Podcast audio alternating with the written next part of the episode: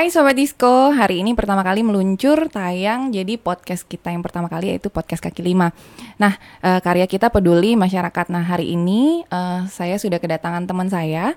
Teman saya kebetulan udah lama banget kita 10 tahun ya kayaknya ya. ya Tapi udah lebih lah ya. ya uh, jadi teman saya ini Raharni Rosvianti Meta uh, yang bisa disapa akrab uh, dengan nama Arni ya. ya nah, jadi uh, kita langsung aja sapa. Halo Arni. Halo.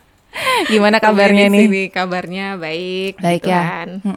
Uh, jadi kalau uh, biasanya kita ketemu kan di acara-acara bukan di rumah sakit aja ya, acara-acara fotografi, iya. kemudian acara-acara seperti relawan atau relawan, volunteer. Nah, kemudian uh, kebetulan Arni ini juga uh, sebagai tenaga medis juga ya di rumah sakit Betul. Sanglah ya. ya. Aktivitasnya sekarang uh, ngapain aja? Uh, sehari-hari kerja masih tetap kerja. ya kebetulan mm -hmm. saya di rumah sakit Sangla di mm -hmm. kalau sekarang di ruangannya ruang rawat inap Puing Amerta mm -hmm. uh, kegiatan lain apa ya karena kita pandemi ya paling rumah sakit rumah rumah sakit rumah, rumah sakit rumah ya ada perubahan nggak sih uh, apa sejak covid sama sebelum covid ini perubahannya ada jelas. Mm -hmm. Kalau di pekerjaan lebih deg-deg ser yang jelas. Jadi setiap kali masuk berdoa dulu aja jelas gitu aja sih. Kerja tetap uh, apa eh, nggak uh, ada dikurangin apa frekuensinya enggak. atau nggak. tetap seperti enggak. biasa ya, ya tetap seperti biasa. Cuma mungkin ada beberapa perubahan di rumah sakit karena mengantisipasi pandemi ini. Mm -hmm. gitu terus kalau misalnya selama pandemi ini kan berarti banyak waktu luang nih. Betul. Masih suka motret Uh, motretnya jadinya beralih sih. Uh, kalau dulu apa? sukanya motret budaya, uh. kita hunting bareng. Kalau sekarang hunting, sekarang tuh hunting di mana ya terakhir di Tenganan ya di itu tenganan aja. terakhir pertama kita, dan terakhir pertama kali. Dan terakhir kayaknya. Punya foto. Sudah itu terus nggak pernah ke Tenganan lagi. Gak pernah ke Tenganan lagi kita. Ya udah. Uh, kalau sekarang, sekarang uh, karena libur nggak hmm. ke mana-mana kan. Hmm. jadi di rumah terpaksa masuk dapur nggak terpaksa sih. Oh Cuma hobinya masak ada, sekarang? Iya kayak nyoba nyoba nggak masak sih buat kue tepatnya. Oh buat kue. Jadi kayak uh, buat kue eksperimen ntar kalau jadi difoto sendiri dimakan sendiri. Dimakan sendiri. Ya udah gitu nggak aja. dijual? Nggak oh, iya. belum pede belum pede. Kasihan nanti yang beli. Nggak apa-apa kan sekarang lagi mumpung lagi semua ya. orang lagi, lagi lihat sosial media kan hmm. juga gitu. Jadi belum belum. Tahu, belum berani belum sana. terus gitu aja. kalau misalnya selain masak kemudian motret mm-hmm. apalagi sih yang dikerjain uh, di rumah? Nggak ada. Apa berkebun di gitu rumah, sekarang kan lagi banyak yang Mm, enggak sih, kalau berkebun enggak. Paling Tanaman itu aja. Paling bantuin teman-teman sih. Ada beberapa temen yang uh, misalnya kayak suaminya mm -hmm. di pariwisata, mm -hmm. terus terpaksa dirumahkan karena pandemi, mm -hmm. terus punya usaha apalah, misalnya jualan apa apa apa itu sini aku fotoin oh, deh. Ya, gitu. Jadi kayak foto produk-produk ya, dari teman-teman ya. Makanan, ya mm -hmm. betul. Uh, jadi hari ini karena tema kita tentang relawan atau volunteer, nah uh, gimana sih? Uh, uh, bagaimana sih kita mengubah niat baik kita menjadi aksi hmm. yang lebih baik lagi gitu kan. Uh, hmm. Kalau Arni nih udah dari awal kayaknya udah uh, terjun ke bidang-bidang seperti ini gitu ya. Awalnya hmm. dari tahun berapa sih sudah mulai ikut volunteering atau relawan aksi-aksi sosial seperti apa sih kemarin? yang, yang terakhir, terakhir ruang berbagi ilmu. Ruang berbagi ilmu. Ya. Awalnya dari mana? Awalnya awalnya itu dari 2016. 2016, eh, 2016 hmm. awal ya uh, kenapa saya bisa terjun ke volunteer sebenarnya ada cerita di balik itu. Hmm, menarik nih kayaknya. Ya, jadi awalnya kayak ya udah jalani hidup seperti biasa yang motret ya di rumah keluar hangout apa sampai suatu saat sakit. Mm -hmm. nah, saya itu orang ya kamu nunjukin oh, aku. Ya saya itu orangnya nggak pernah sakit. Mm -hmm. Jadi sehat-sehat aja suatu waktu ternyata sakit dan sakitnya itu lumayan parah mm -hmm. Lumayan parah yang mm, kayak hantaman besar lah buat hidup saya mm -hmm. jadi kayak merubah kayak rasanya kayak uh, disentil sama Tuhan ting kamu nggak usah terlalu sombong deh kayak gitu mm. kamu nggak usah terlalu belagu kayak gitu jadi kayak sesudah sakit itu kayak mikir mungkin selama ini saya belum melakukan belum maksimal kali ya cuma artinya cuma untuk ring satu yang saya bilang ring satu itu cuma untuk keluarga papa mama saudara kandung mm -hmm. sedangkan untuk dunia luar ya udah sebodoh amat kayak kayak mm -hmm. gitu terus kayak mungkin harus berubah ya. Nah sejak saat itu kebetulan ada kenal sama Mas Gogon. Mm -hmm. nah kenal sama Mas Gogon terus kayak dia um, juga aktif di yes dia salah satu penggagas kelas inspirasi Lombok. Oh iya. Nah, lalu bareng buat kelas inspirasi Bali kita waktu itu. Uh, mas aku pengen ikut yang itu dong. Uh, apa tuh kelas inspirasi waktu itu awalnya taunya gitu. Terus hmm. dijelaskan sama gue kamu lihat aja dulu di YouTube ada banyak videonya gini gini gini gini oke terus eh, aku bisa jadi apa dong? Jadi kalau di kelas inspirasi kebetulan ada relawan dokumentator ada relawan pengajar. Hmm. waktu itu karena hobi moto jadi Oh, kayak iya. yang ya udah aku coba moto dulu deh nanti lihat-lihat dulu gitu. Terus nah itulah awal mula terjun ke kelas inspirasi. Sebelumnya sudah pernah ikut juga sih kayak seribu guru pernah ikut juga terus Bali edukasi itu juga pernah. Terus selama kelas inspirasi ada beberapa kegiatan kelawanan lain seperti eh, IM pamit namanya Indonesia mengajar kan ngirim pengajar muda ke daerah-daerah terpencil tuh. Oh, Nah, ada iya, acara iya, iya. perpisahan saat mereka lepas tugas. Nah, kita jadi volunteer untuk motret Oh kayak gitu. gitu. Jadi banyak sekali tipe kegiatannya ya. Betul. Heeh, heeh. Jadi nggak harus misalnya kalau kita interestnya cuma untuk eh, mengajar kita mengajar aja atau Betul. mau coba foto silakan, Silakan, gitu ya. Ada Oh, beberapa oke. jenis Kalau passionnya rebahan itu gimana ya? Kalau Ari kan punya ya? kalau Ari kan punya basic motret ah udahlah aku volunteer untuk ini. Kalau teman-teman yang Hmm. kira-kira aku belum tahu nih kayaknya aku mau ngapain ya gitu. Ah, itu bisa sebenarnya. Yang penting niat sih, Gung. Jadi mm, asal kita punya niat untuk berbuat sesuatu, Mm-mm. eh, kalau versi saya saya bilang melakukan sesuatu yang terbaik yang bisa kita lakukan. Hmm. Artinya sekemampuan kita ya. Mungkin uang gak ya masih banyak orang yang duitnya lebih banyak. Mm-mm. Tapi eh, at least saya punya niat untuk bisa melakukan sesuatu untuk orang lain di luar ring satu saya tadi itu kayak gitu. Jadi kalau mm, ada macam-macam, mungkin kayak adik mahasiswa bisa nyoba di eh, seribu guru. Seribu guru itu Seribu bisa guru itu eh, sama kegiatan kerelawanan juga. mm, tapi dia eh, di Bali atau di Di Bali ada, juga? Oh, di Bali luar ada juga ya? ada ya. Hmm, Hampir di seluruh Indonesia kok ada seribu guru. hmm, hmm.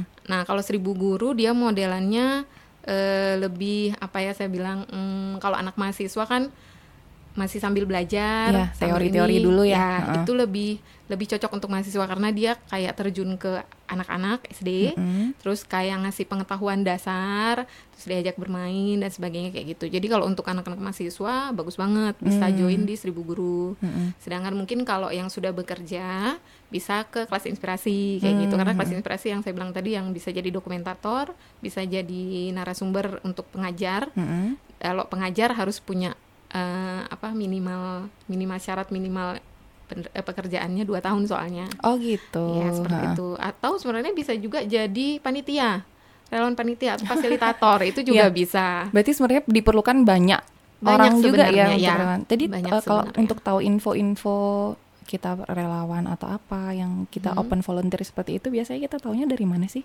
Dari grup-grup aja atau ya, cuman sekarang ha. di ini banyak gung di Instagram, Mm-mm. di ya di online online itu banyak kok. Mm-mm. Rata-rata sudah punya, di search aja pasti ada kok. Iya.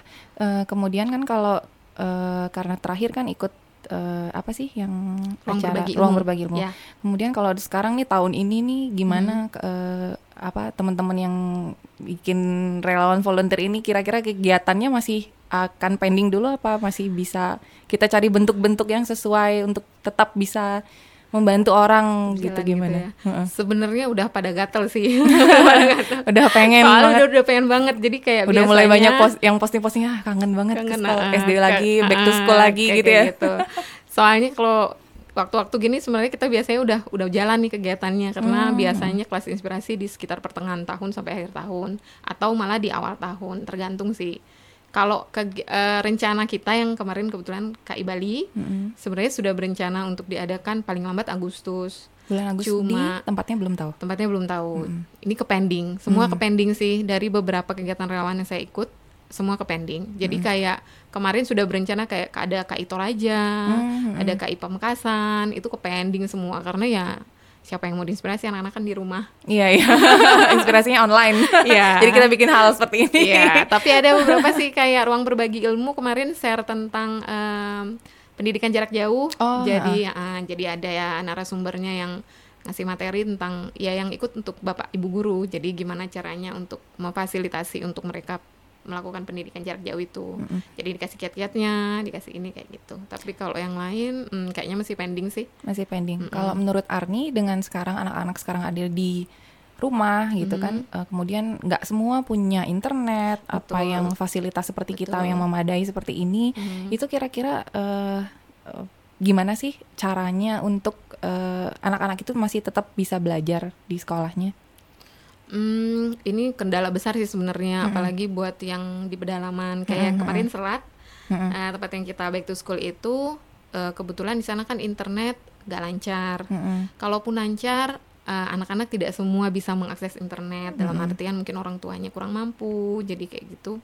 Eh, sempat berhubungan dengan bapak guru di sana, Oh, bapak ibu guru, terus Jadi meskipun sudah selesai acaranya masih tetap Ya, berhubungan masih ya tetap sama berhubungan, sekolah-sekolah. ya, masih Wah, tetap. keren. Kayak gitu tuh yang eh, guru-guru ya gimana eh, gimana ya kita susah soalnya karena anak-anak tidak bisa mengakses internet. Hmm, jadi mereka caranya? selama ini sekolahnya gimana? Maksudnya Jadi dalam- gurunya yang ke rumah. Oh, gitu. Ini Jadi di Bali loh ya. Iya, betul. Baru, Ini baru Bali satu loh. sekolah ya. Ini baru satu sekolah yang kita tahu. Mm-mm. Jadi gurunya yang ke rumah. Hmm. Disamperin gitu mungkin datang terus gimana Pak? Ya kita samperin satu-satu, Bu. Oh gitu, ya nggak ada pilihan lain daripada anak-anak nggak sekolah, nggak belajar sama sekali. Iya, Jadi iya. datang mungkin kasih tugas, belajar sebentar, pindah lagi anak yang lain seperti itu. Jadi agak susah ya, memang gimana ya? Hmm, kalau untuk kita yang di kota ya gampang-gampang aja ya, Iya. tinggal zoom bisa atau WhatsApp group bisa, tugasnya lewat itu. Tapi kalau di desa ya sementara cuma itu aja sih Iya, tapi- Tapi untuk kita-kita yang di Denpasar pun juga ini perubahan juga Betul, kan. Jadi perubahan besar. misalnya Mhm. tiba-tiba harus bisa ini. Ya, dan harus tidak bisa semua buka, nggak dan semua tidak semua melek orang tua melek teknologi, internet betul, teknologi juga teknologi, makanya ah. memang bener-bener eh, kita harus mau berubah, dan Berubah, betul. beradaptasi kemudian belajar yang macam-macam inilah kayak sekarang kita bikin podcast. Iya betul, jangan mau mati gaya pokoknya. Jangan, pokoknya kita harus ikut aja gitu.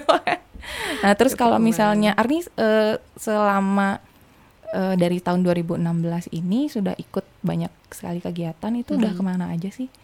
Di luar Eh, Bali atau di dalam Bali? Di dalam Bali ada, di luar Yang Bali pertama ada. ke mana? Awal kan di Yang Lombok. awal di Lombok. Nah, ya. itu berapa hari? Lombok itu kelas inspirasi Lombok yang pertama, yang ketiga, yang terakhir yang keenam. Hmm, hmm. Aha, yang itu yang rata-rata kalau kegiatan seperti itu dia berlangsungnya berapa hari? Kalau kelas misalnya? inspirasi sehari Oh, biasanya sehari udah selesai. kegiatan intinya sehari, tapi biasanya di beberapa kelas inspirasi digandeng. Jadi eh, relawan itu kan banyak yang dari luar kota. Mm-mm. Jadi pasti sudah ada sehari atau dua hari sebelum acara atau mereka extend sesudah acara. Mm-mm, untuk. Nah, untuk dan lain-lain. nah biasanya panloknya nggak mau rugi, jadi Mm-mm. sekalian digandeng sama acara lain kayak yang kita buat kemarin di KL kelas inspirasi Bali 3 Mm-mm. Jadi kayak ada pengapmas kita bilang pengabdian masyarakat. Karena itu kan volunteernya macam-macam tuh, ada dokter, ada dokter gigi, ada segala kayak lengkap lah. Mm-mm. Kita buat pengabdian masyarakat jadi kayak ada kayak mm, penyuluhan gigi gratis, Oh, iya. ada pemeriksaan gratis, pemeriksaan kesehatan Mm-mm. seperti itu. Jadi eh, biasanya paling lama dua hari sih. Dua hari ya. Tapi kalau rata-rata intinya kegiatan kelas inspirasi sehari aja. Dari Sehari. pagi seharian itulah dari pagi sampai siang. Mm-mm. Selain ke Lombok ke mana lagi? Udah pernah? Yang Lombok kelas inspirasi Lombok 3, 4, 5, 6 Waduh banyak ya. itu nggak mau bolong karena dari pertama kenal volunteering dari situ jadi diusahakan tidak bolong kalau yang itu terus kelas inspirasi Pamekasan paling jauh Pamekasan Madura Madura. Hmm, Mm-mm. betul kelas inspirasi Pamekasan Di situ juga berapa hari? dua. Seminggu ya? di Enggak. sana ke- kegiatannya Kegiatan sehari sama juga. Tapi extend akhir ya Pamekasan punya cerita sendiri deh keren Baiklah. Pamekasan Pamekasan dua kali terus eh, oh ya kebawayan yang IM pamit tadi Hmm, Pulau Bawean Pulau Bawean. Ya, kalau itu sendiri dari sini ke Surabaya dulu, dari Surabaya ke Gresik, Gresik baru nyebrang ke Bawean. Hmm. Kapal laut. Itu sendiri atau ada tim yang berangkat juga dari Kalau yang Denpasar? sendiri. Oh. Kalau yang lain-lain kayak Pamekasan ada rame-rame, ada beberapa teman juga yang bareng ikut menginspirasi ke sana. Oh gitu. Yang paling jauh itu aja sih paling belum sampai yang kelas inspirasi. Padahal mau ke Toraja ya tahun ini ya enggak enggak ikut rencananya, tapi batal ya sudah. ditunda dulu ditunda, jangan dulu. bilang batal. Iya. Terus kan kerja juga nih, gimana Betul. sih bagi waktu ya ampun, bingung kan. Kalau misalnya extend ini pegawainya gimana? itu mungkin salah satu saya bilang saya bersyukur lah ya karena mm, kebetulan di ruang tempat saya bekerja bisa diatur jadwalnya karena saya bekerja dalam shift jadi ada terbagi tiga shift kan pagi sore malam jadi misalnya liburnya itu digabung jadi satu dalam beberapa hari misalnya dalam 4 sampai lima hari itu bisa Hmm, jadi masih bisa masih diatur bisa lah ya. diatur ya. Mm-mm. Artinya izin sama kepala ruangan, saya mau ke sini Bu, kepentingannya ini sekian hari. Tuh. Oke, ACC baru berangkat kayak gitu. Oh iya iya. Jadi ya diatur-atur. diatur-atur gitu. Nah, tadi kan dari tadi dibahas tentang kelas inspirasi ya. Itu Betul. saya sebenarnya tertarik sekali apa sih kelas inspirasi itu? Ah, Oke, buat yang belum tahu, Dari tadi soalnya sama disebut kita. inspirasi menjadi apa gitu. Jadi join bersama sama kita.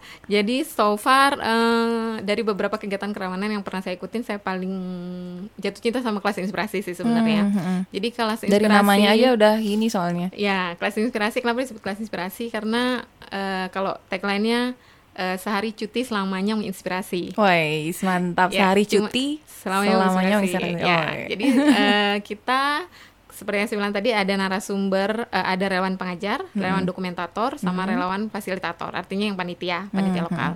Nah, kalau yang pengajar, kalau yang pengajar dia eh, kita kan kegiatannya itu kelas inspirasi itu adalah eh, suatu kegiatan untuk menginspirasi adik-adik di sekolah dasar Mm-mm. untuk eh, punya impian, punya Iya. cita-cita. Ternyata setelah kita masuk langsung ke sana, adik-adik tuh banyak loh yang nggak tahu. Jadi bayangannya kamu kalau besar mau jadi apa? Cita-citanya apa? Dokter. Oke. standar. Standar. Standar. Guru.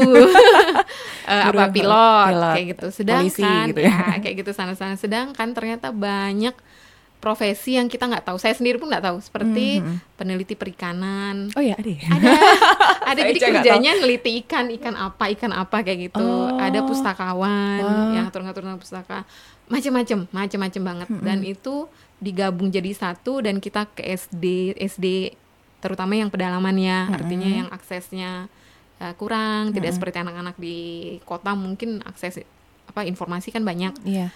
Anak SD itu bisa sampai beneran nggak tahu. Mm-mm. jadi apa itu terus ngeliatin kita kayak bengong gitu.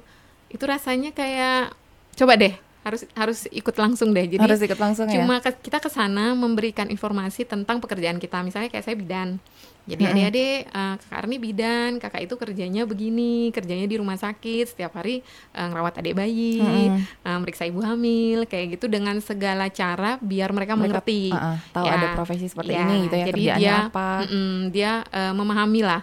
Oh, oh ada jadi bidan kayak gitu. Jadi kayak kita ngasih mm, nanamkan sesuatu yang baik untuk mereka untuk di masa depan itu rasanya luar biasa. Hmm. Rasanya luar biasa dan mereka akan sangat eh apa ya? Kayak wah, jadi ini wah keren ya. Wah, gitu. itu beda banget rasanya. Sesuatu yang tidak bisa kita beli dengan uang. Iya. Gitu. Itu dah eh, uniknya menjadi relawan ya. Jadi Betul. relawan itu tidak, Tidak bisa dibayar. dinilai, Heeh. tidak dibayar dan tidak bisa dinilai oleh materi sebenarnya betul, kan. Betul, Heeh. heeh. Karena Jadi bukan kita yang belajar, eh bukan dia yang belajar dari kita, tapi kita lebih banyak belajar dari anak-anak itu sebenarnya. Hmm. Pernah Kayak nggak gitu. ketemu anak-anak dengan cita-cita yang unik? Eh, pernah, banyak. Banyak ya? Kayak di Pamekasan, karena dia cuma tahu eh, petani, terus polisi. Kamu mau jadi apa nanti dek? Gitu misalnya ditanya. Petani, Hmm. terus paling buruh. Ya seperti apa yang ada di sekitar dia. Hmm. kan kayak sedih banget gitu ya ampun anak ini mereka kayak kurang informasi jadi Iya. kayak kita cuma datang sehari tapi bisa memberikan begitu banyak informasi begitu banyak impian cita-cita buat mereka kan rasanya luar biasa Hmm, iya. itu Menjadi inspirasi dari jadi Iya. dari sejak kecil ya. betul Jadi anak-anak banyak pilihan juga, udah Betul. tahu ada profesi-profesi macam-macam seperti bidan, pilot Mm, atau barista mungkin atau ya yang betul barista kayak juga gitu-gitu. ada mm. Ada yang Koki, ikut juga ada, koki, banyak. kemudian sekarang soalnya nggak melulu nggak melulu harus harus eh, sarjana, untuk sarjana. ya, ya betul banget kita harus ya eh, kasih buka wawasan mereka supaya oh ternyata ada yang kayak gini oh ternyata ada yang kayak gini gitu seru Nah. kasih inspirasi kalau misalnya suka dukanya saat jadi relawan itu gimana? Suka duka banyak sih Kalau misalnya kita ketemu sama orang baru itu rasanya gimana sih? Butuh penyesuaian nggak ketemu teman? betul apa? banget jadi kalau kelas inspirasi kebetulan karena sudah beberapa kali mencoba jadi sudah pernah jadi relawan pengajar dokumentator Iya, semua yang ya. terakhir di KI Bali jadi panitia lokal Hmm. dan KI Bali 3 jadi panitia lokal jadi kayak beda-beda sih tantangannya Hmm. kalau jadi pengajar misalnya ke Pamekasan Mm-mm. Kita bertemu dengan orang baru bekerja sama dalam tim dengan orang-orang baru kita kenal ya tentu saja beda ya. Maksudnya setiap orang kan karakternya beda-beda dan kita juga baru kenal jadi kayak ada perbedaan pendapat kayak gitu. Wajar sih cuma Wajar masih ya. bisa iya cuma biasanya eh, sefrekuensi itu lebih enak cepet nyambungnya Hmm. jadi kayak karena udah sama-sama punya Datang dengan niat yang sama Iya, gitu ya. betul jadi kayak ya udah kita kan datang mau in- inspirasi kayak Hmm. gitu jadi enak sih so far baik cuma kalau jadi eh, panitia lokal sih lebih banyak tantangannya Hmm. kalau panitia lokal karena mengkoordinir relawan Mm-mm. seperti yang kemarin yang paling berat KI Bali 3 karena itu pertama kali kita eh, adakan saya bersama teman-teman yang lain yang awalnya jadi relawan di kelas inspirasi Lombok Mm-mm. kita bergabung jadi satu karena di Bali pernah ada kelas inspirasi Bali sebelumnya satu dan dua cuma vakum Oh gitu. akhirnya kita bersama-sama satukan misi ayo kita buat nih kelas inspirasi Bali 3 kayak gitu jadi itu yang cuma di modal nekat. lokasinya di di Nusa Penida Oh Nusa Penida Nusa. Penida. ya. Heeh. Itu itu yang paling berat sih karena kita mengkoordinir sekitar 200-an relawan. Mengkoordinir itu dibagi dalam tu- 18 sekolah. Mm-mm. Jadi satu sekolah sekitar 10 sampai 12 orang. Kita mengkoordinir dari penyeberangannya ke Nusa Penida, lalu 200 penyewa orang ya, penyewaan motor, lalu penginapan Hmm. sampai ke makan segala macam karena di sana ya seperti yang kita tahu zaman 2016 kan belum seramai sekarang Iya, ya. heeh. Jadi kita koordinasi juga untuk makannya selama kurang lebih dari kita hari inspirasinya hari Sabtu waktu itu jadi dari hari Jum Sabtu lah kita nyampe sana Jumat, Sabtu dan Minggu baru balik. Oh gitu. Jadi itu luar biasa banyak tantangannya. Banyak tantangannya dan Iya. ternyata kita tuh selain jadi relawan juga mampu mengorganize diri kita Betul. dan orang lain Dan orang juga lain, ya. ya. Heeh, Ternyata di bisa ya. Bisa. Setelah selesai ternyata bisa ya walaupun ya banyak singgungan lah sama teman sendiri, panitia juga ada, Hmm, hmm. sama relawan juga ada. seninya di situ ya Seninya di ketemu situ, situ. iya. Makanya cuma bukan mereka yang belajar, kita lebih banyak belajar justru banyak Hmm. pelajaran yang diambil. Kalau ketemu ketemu sama orang-orang dari berbagai Hmm. yang kayak maksudnya diajak itu mereka tahu infonya dari mana sih kebanyakan? Sosial media juga. Ya sosial media dan dari teman ke teman. Biasanya kalau sekali terjun, misalnya nih Ya. kayak gue, Ya aku. ya kan Nagih. nah, nagih kan sekali terjun nagih. terus ketagihan terus kalau sudah ada dalam lingkaran itu jadi kayak tahu tuh pasti infonya pasti cepet banget kok tersebar jadi eh KI itu buka tuh pendaftarannya nanti hari inspirasinya bulan ini kayak itu gini jadi udah pasti tahu kok banyak nanti dari situ info-info dari teman-teman grup-grup WA tapi banyak paling banyak media sosial sih Iya. Mm-mm. Terus kalau misalnya apa nih? Kan keluar-keluar juga itu Hmm. biasanya biaya sendiri atau gimana? biaya sendiri Masih sendiri ya. biaya sendiri semua biaya sendiri sih Heeh. jadi ya itu seperti yang tadi saya bilang eh, kita melakukan sesuatu yang terbaik yang bisa kita lakukan. Artinya kalau seperti saya misalnya yang mungkin belum mampu jadi relawan sampai ke misalnya kelas inspirasi Aceh. Mm-mm. jauh banget. Jauh banget. Ya ampun. itu yang bayar itu yang bayar pesawatnya aja udah berapa kan? Iya. jadi ya semampu saya kalau kalau kalau versi saya ya. Jadi mm, karena itu tidak dibayar semua dari eh, perjalanan akomodasi makan transport itu semua dibiayai sendiri Hmm. jadi panitia lokal itu cuma mengkoordinir gitu biasanya tapi kalau untuk ini tidak ada yang dibayar jadi semua biaya sendiri Biaya makanya sendiri, relawan ya. tidak dibayar tapi Berarti ternilai tapi masih sering ketemu-ketemu nggak sih sama teman-teman yang dari uh, bagian-bagian lain maksudnya yang ikut volunteer volunteer. volunteer. biasanya ketemunya di kegiatan volunteer juga. Kegiatan jadi kayak volunteer ya, juga. jadi misalnya ikut di KI Lombok kemarin, nanti ikut KI misalnya Surabaya, eh, lu lagi, lu lagi. Orangnya itu-itu aja. Itu itu aja. Wah. Jadi kalau ketagihan deh. Mm-mm. Kalau sekali udah nyemplung. Ini nggak ada batasan deh. umur kan ya untuk ikut menjadi volunteer? Tidak. Enaknya kelas inspirasi di situ justru. Makanya saya bilang mungkin kalau kayak mm, seribu guru dia lebih rata-rata anak mahasiswa yang di bawah 30 Oh, lah. gitu.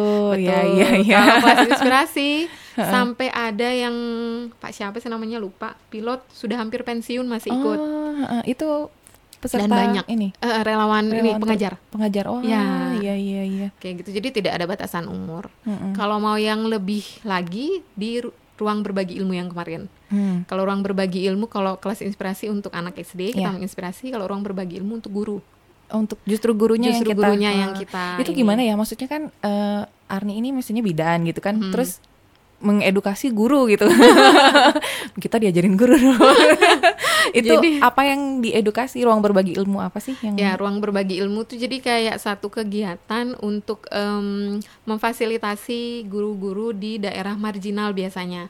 di pedalaman. Hmm. Jadi eh, mungkin memberikan materi-materi yang eh, berbeda dengan yang mereka tahu selama ini misalnya kayak metode pembelajaran kreatif, kayak macam-macam. luas juga ya Betul, ininya. ya. Jadi eh, itu seperti hampir sama seperti kelas inspirasi. Jadi kayak turunan dari Indonesia mengajar sebenarnya. Hmm, Jadi Indonesia mengajar itu punya turunan ruang berbagi ilmu dan kelas inspirasi. Kalau kelas inspirasi ke anak-anak, kalau ruang berbagi ilmu guru-guru. Hmm. Jadi relawannya itu biasanya seleksinya lebih ketat. relawannya di Mereka- briefing juga maksudnya Ya, di mereka persiapannya sangat eh, lumayan berbulan-bulan karena yang Hmm. kita ajari kita ajarkan itu selama dua hari kegiatannya. Jadi ada beberapa materi nanti tergantung panitia dimasukkan ke grup mana. Ada metode belajar kreatif yang tadi saya bilang ada K13, ada motivasi guru. Mm-mm. Biasanya di setiap daerah itu ada beberapa materi yang dirasa penting untuk dikasih di guru-guru di daerah itu. Hmm. Seperti itu kayak kemarin yang kita di sini di Karangasem, ada di Karangasem, di Bangli, Nusa Penida, sama di Buleleng. itu berarti empat tempat Ada empat tempat secara bersamaan. Secara Kemarin, bersamaan? Ya, kita kolaborasi KI Bali sama Ruang Berbagi Ilmu. Oh, Jadi yang gitu. panitia lokalnya yang handle dari KI Bali, Mm-mm. relawannya yang handle dari Ruby. gitu. Kebetulan kemarin belum per- nyobainnya jadi panitia lokal sih, belum Hmm. belum langsung ngajar. Mm-mm. Mm, kayak responnya gitu. dari sekolah-sekolah yang udah didatengin ini biasanya gimana baik banget jelas baik banget jadi eh, kebanyakan kayak minta em, sponsor bukan sponsor sih Mhm. artinya menyampaikan inspirasi mereka lah kayak guru Mm-mm. kemarin yang ruang berbagi ilmu itu teman-teman relawan kan dari luar dengan berbagai latar belakang profesi Mm-mm. tapi mereka mempersiapkan diri dengan luar biasa berbulan-bulan. Misalnya metode belajar kreatif. Itu Mereka- seperti apa sih metode belajar kreatif? Jadi kayak aku juga baru tahu ternyata Ah-ah. setelah lihat oh kayak gini aku ternyata. masih jadi belum terbayang. Em, kayak ngajarin apa ya ilmu pengetahuan alam lah. Eh ilmu pengetahuan jadul Biologi, banget ya apa? biologi ya gitu gitulah dengan cara yang eh, anak-anak mudah memah- memahami. Oh, jadi kayak misalnya metodenya diubah gitu ya. Mm, Mm. jadi misalnya pengantar suhu misalnya eh, apa sih namanya yang dari ini gini loh caranya. Jadi kayak permainan. Hmm. dibuat semenarik mungkin jadi anak-anak itu semangat untuk belajar kayak gitu jadi yang diajarin ya guru-guru Hmm. Kayak kemarin kita ngambil di eh, Karangsem di Kubu. Jadi satu kecamatan, guru-guru SD sekecamatan Kubu kita jadikan satu. Dikasih seperti workshop ya, dua hari, mini workshop gitu dua hari tentang itu macam-macam itu tadi. Saya nggak iya. begitu paham dengan materinya sih, soalnya kemarin kan panitia lokal, Mm-mm. karena tidak ikut terjun langsung, tapi sangat menarik dan sangat berguna. Jadi kayak biasanya kalau gitu-gitu kan bayar. Ini Mhm. enggak relawannya mengeluarkan uang sendiri, datang dengan Dia sukarela, menyiapkan semua sendiri, dia ngajar tanpa dibayar. Mengeluarkan malah kita biasanya nyari sponsor kayak kemarin untuk ruang berbagi ilmu kita nyari sponsor untuk membiayai selama dua hari kan Mm-mm. tidak sedikit ya Iya, karena kan dua hari makan guru, snack segala Mm-mm. macem.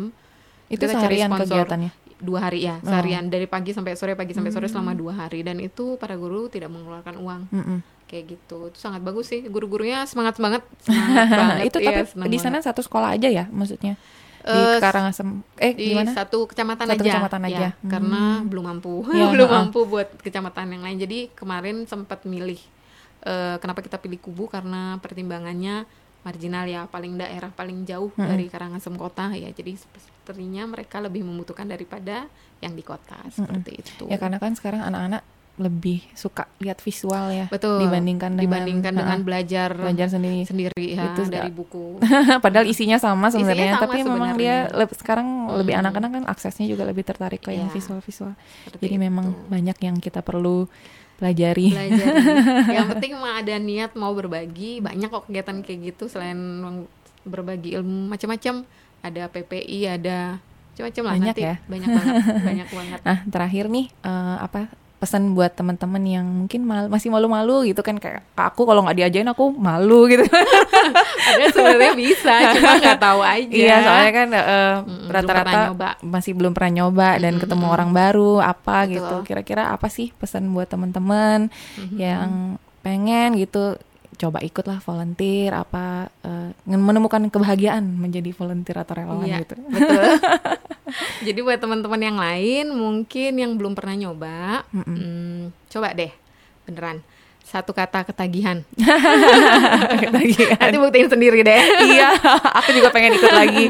Makanya lagi Iya. nunggu-nunggu ya mudah-mudahan lah cepat berlalu Cepet semua berlalu semuanya agar kita bisa eh, Ya, bikin karena kegiatan itu lagi. sesuatu yang tidak bisa kita beli dengan uang kalau versi saya. Jadi apa yang kita keluarkan tidak sebanding dengan apa yang kita dapatkan jauh lebih banyak. Jadi bukan mereka yang belajar tapi kita yang kita belajar. yang belajar ya. Terharunya itu Iya. saat Kak kapan sih datang ke sini lagi Iya, Kak? kita kayak punya gitu.